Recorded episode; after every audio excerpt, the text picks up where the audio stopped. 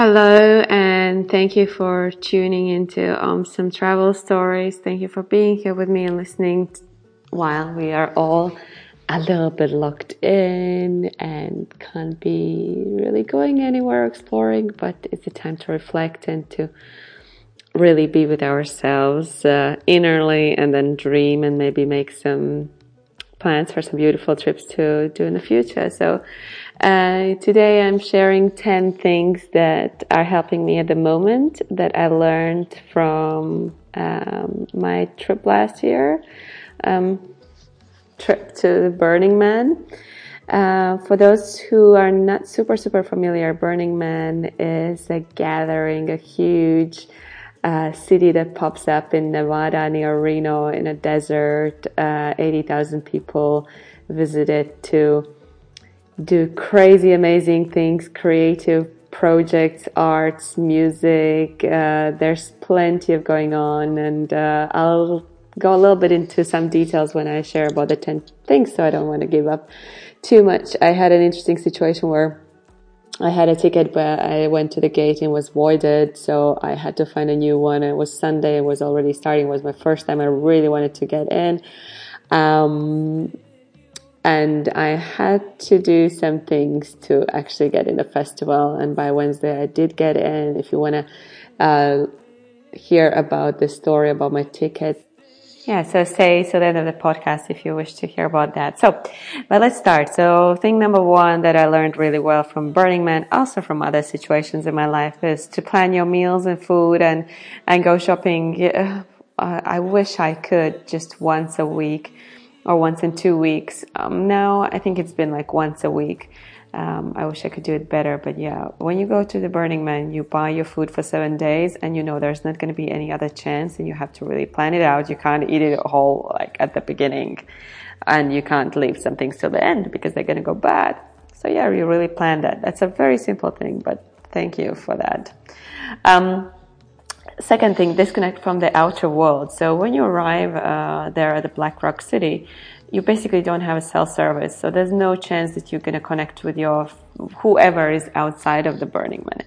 And it's so beautiful because it puts you really, really in the present form. And at the moment, um, yes, I do connect and you see I upload podcasts and I am online, but I spend a lot of time with the people that are actually at home with my brothers and sisters because uh, we're all sort of locked in and you know school's not happening uh, work is not happening nothing's really happening. And there are these days when we can just spend together and enjoy each other's company. And it's so beautiful. It's like when else on the earth we're going to have so much free time to spend together and and we were kind of forced spending it together and doing simple things, not like you know being spread out somewhere in the world and having free time. So it's very beautiful. I really, really appreciate.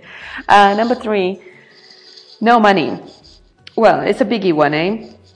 You might be afraid about your job and, and how you're going to survive at the Burning Man. You don't have money. You exchange things. Not really exchange. You give things. People give you things and you really get used to not using money and it it changes you. It changes how you perceive life how you perceive other people because there's nothing like you really you meet the other person. There's nothing you want to sell or want to buy from them so there's another communication and it has been quite interesting now as well. Of course i use money when i go to the shop but i use way less. And um, I also switched my approach for teaching to sharing in a way. I share my time, I share my energy, I share my gifts, and in a hope that we're all going to come out better from this. And when I, I hope that I can survive this time with what I have. Um, if I really need, I know universe is going to provide. I know you're thinking hippie, hippie, hippie, but at the moment I am in a place where I can I can just share and I don't have to think I'm like, oh my gosh, are you going to pay me for this, for this podcast that you're listening to? I'm in a good place. So I'm really, really grateful for that. And yes, the same with the Burning Man. Of course, it's seven days. It's a little bit different, but, uh, just seeing how people can be nice, giving, sharing, interested in you, not because they want to sell you something just because we're all cool humans. And so the fourth thing is giving, because you give, you come with a gift, and when you see so many people giving, you just you feel like, oh my gosh, I'm not giving enough, but you're focused on giving so much, and it's beautiful. It's like how on earth or where on earth uh, do you find a place where people just want to give, give, give, and they have maybe some silly gifts that they've prepared. Maybe they have something like a massage or a yoga lesson, or they give you um, a little ride around the the playa, uh, but it's giving and it's a different vibration in the air. It's beautiful. Then uh, number five, no idea of what's, uh, what experiences you're going to have. Of course, you can read the little book when you go to Burning Man and plan your days and like how you're going to spend them, which uh, uh, things you're going to see or not see, but it's all up in air anyways. Things can change, things, uh, things can happen in their own way. And I had the book, I scrolled it through. There were a couple of things that I was really interested into, but I was I really wanted to just let it go and do things as they like run into things and I did um, and it was amazing because I would cycle and I was like okay mm, let's see. A destination today could be that uh, coffee place and then I cycle and the wind is too strong and then I'm just like okay I'm just gonna go in the direction of the wind. I'm thinking pancakes. Hmm would be nice to have pancakes for breakfast. And somebody is like literally sell, like uh, serving pancakes on the left and they're like, do you want some blueberry pancakes? I'm like, yeah. And then I'm like, mm, nice. And it's like, I still dream about that coffee that I, you know, didn't get because the wind was too strong. And then the next place is like, hi, would you like some cold brew? And I'm like, how is this possible? But so yeah.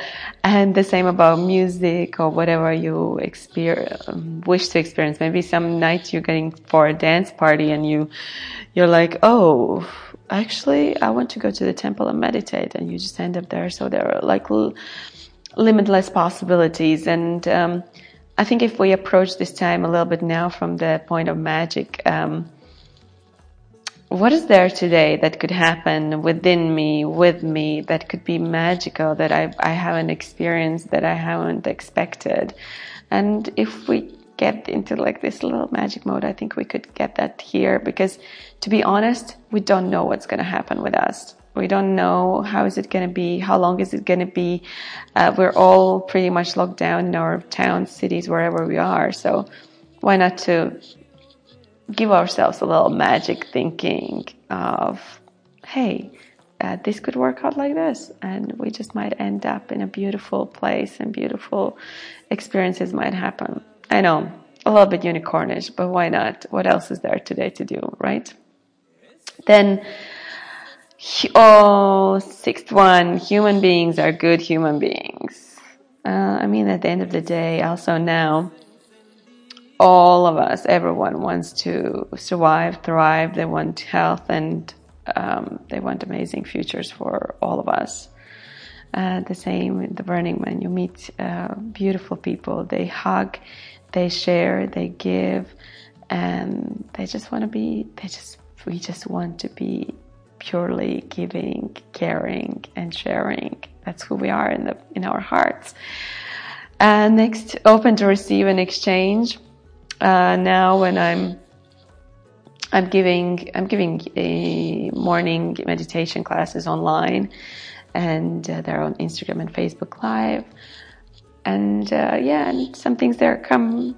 I mean, I'm giving them for free, and there are things sometimes that I like, and I, I've learned now to speak up. I'm like, oh, yesterday after meditation, texted to one of my friends. I'm like, I want pancakes. She's like, come to my house. I'll, I'll make you some. And I'm like, yay. So instead of what we would usually do, you know, like I'll go somewhere to the coffee shop, think you spend money and then of course it's a nice experience. But now it's more like, okay, I'm not making money with this. Uh, but there are other people who are not making money as well. So together somehow we make the same experiences just uh, from our, by ourselves, right? So, and um, think about. I think it's great to think about what you can exchange at this point in your life. what can you exchange? Uh, my gift is meditation, teaching yoga, meditation, English, podcasting. I can help you set up a podcast channel. Is there anything that you would love to exchange and give and share and just, you know, like get back to me, uh, message that to another person? That there are plenty of opportunities if you look at the opportunities. Uh, number nine, uh, or number 10, oh nine, ride bike everywhere. Oh, I'm so glad it's springtime and I'm literally just riding my bicycle everywhere. And it so reminds me are also of the Burning Man experience, riding bicycle. And actually, I just have to message my sister to get me some lights because I want to, I want to like make it a little bit like Burning Man bicycle. If I have to be alone or two meters from any other person in this world, at least I can go around on my bike with the little lights and just glow, you know. And then, um, last thing, hope to meet everyone again. Um, the family that made it, the Burning Man, my beautiful friends in Sacramento, mostly, and Cali.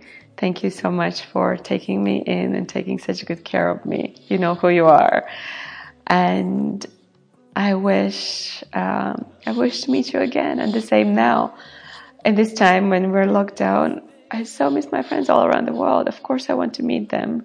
And um, yeah, and the same with, with people here who are now a little bit hiding.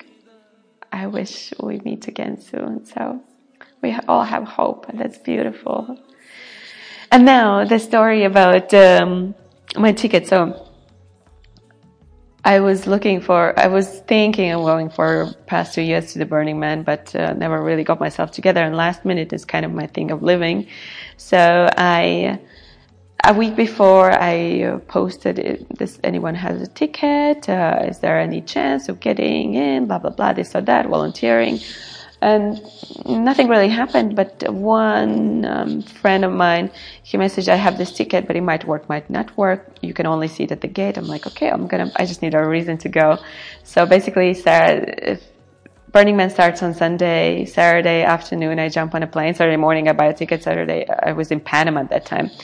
Um, I get on a plane to San Francisco. I message some people who are there who might be going. Um, because there's a ride share. And then actually a friend of mine, he had someone who canceled a ride with him. And um, last minute, he said like, "Hey, I have a place in my car. I can pick you up in 20 minutes from the airport." I'm like, "Perfect, let's do this." So we go to Reno. I get the ticket. We buy our supplies at Walmart. Um, I'm super stoked, but also very, very scared because it's my first time. I don't know what to expect, and I'm not sure about the ticket. So we go there.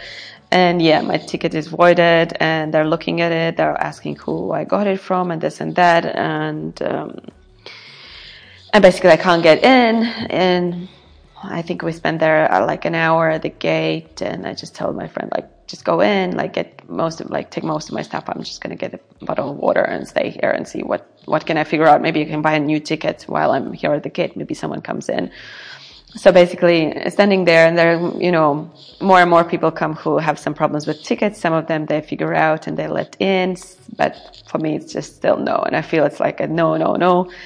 I go and stand with little board cardboard looking for tickets um, and nothing really happens but we meet some other people and I met Jason. He had a problem with his ticket as well. Uh, someone sold it to him and then just um, canceled it. So when he got at the gate, they just said it, it's canceled. And so he he was prepared with all his gifts and and um, and everything. So we were there, and he's like, you know, it's getting late, and he's like, if you want to sleep, like there's a there's a couch in my uh, RV, you can use that. And I was like, yeah, I'm so tired, and nights can get really cold in a desert, right?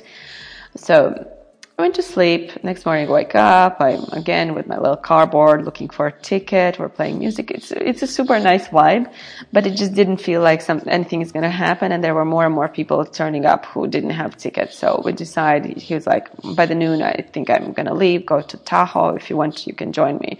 And I'm like, well, yeah, just being in a desert, hoping for the best or going to Tahoe, um, sounds maybe better. At least I could, you know, go somewhere where I can get catch a flight back home. But I was like, I came all the way from Panama. Really? Am I going to just like give up like this? So I'm like, universe, what is there I have to do? And so word by word, story by story, we connect really with Jason because we connect on uh, on uh, meditations, on yoga, on the, all the spiritual side, and then he shares this story that he healed himself from stage four cancer. Basically, his doctor told him in six months you're gonna die, either from chemo or from cancer. It doesn't matter. So he's like, I'm not gonna do chemo and he starts his healing and you can hear the whole story on a podcast. I'm not going to retell you that, but I'm like, okay, Jason, you know what? I think I have to record a podcast with you and then I'm going to get the ticket to Burning Man. So we somehow find like two headphones, two mics and we recorded on, we recorded on his phone and on my phone. Um, in a couple of hours, we go to this coffee shop next to Tahoe. I just uploaded, um, I upload the podcast. There's someone posting on Facebook that his friend needs a bike, a bicycle and a ride into Burning Man and uh, they have a spare ticket. I messaged the guy, but I'm like, please, there are hundreds of people looking for this opportunity, but he's like, okay, what bike you have? I'm like, I can buy like any bike tomorrow. What car do you have? I'm like, Jason could give us a ride. So this is his car, you know. Okay, pick my, like, let's call. We call, and then he's like, okay, pick her up tomorrow at this time from this airport. I'm like, wow, really? I couldn't believe till the last moment, till the moment actually she was in our car and I had the ticket. I was like, I couldn't believe this happened. So basically, I spent like 120 bucks for uh, for the bike to get the ticket. Of course, it's a little bit more expensive to go with all the food and tickets and everything, like flight tickets and and gas and all that to go to Burning Man. But um, getting the ticket is a difficult part. So three days delay. I made my first sand angel at the gate and I was all in and from there on, a like a lot of magic and beautiful experiences happen. Thank you for listening. Tune in into next episode and give me some feedback, review. I appreciate stars and subscribing and following. You're my angels and thank you so much for support and listening to my stories. I love you all so much. Connect with me on Instagram. It's omsam, uh, O triple M S O N E. M E. Bye.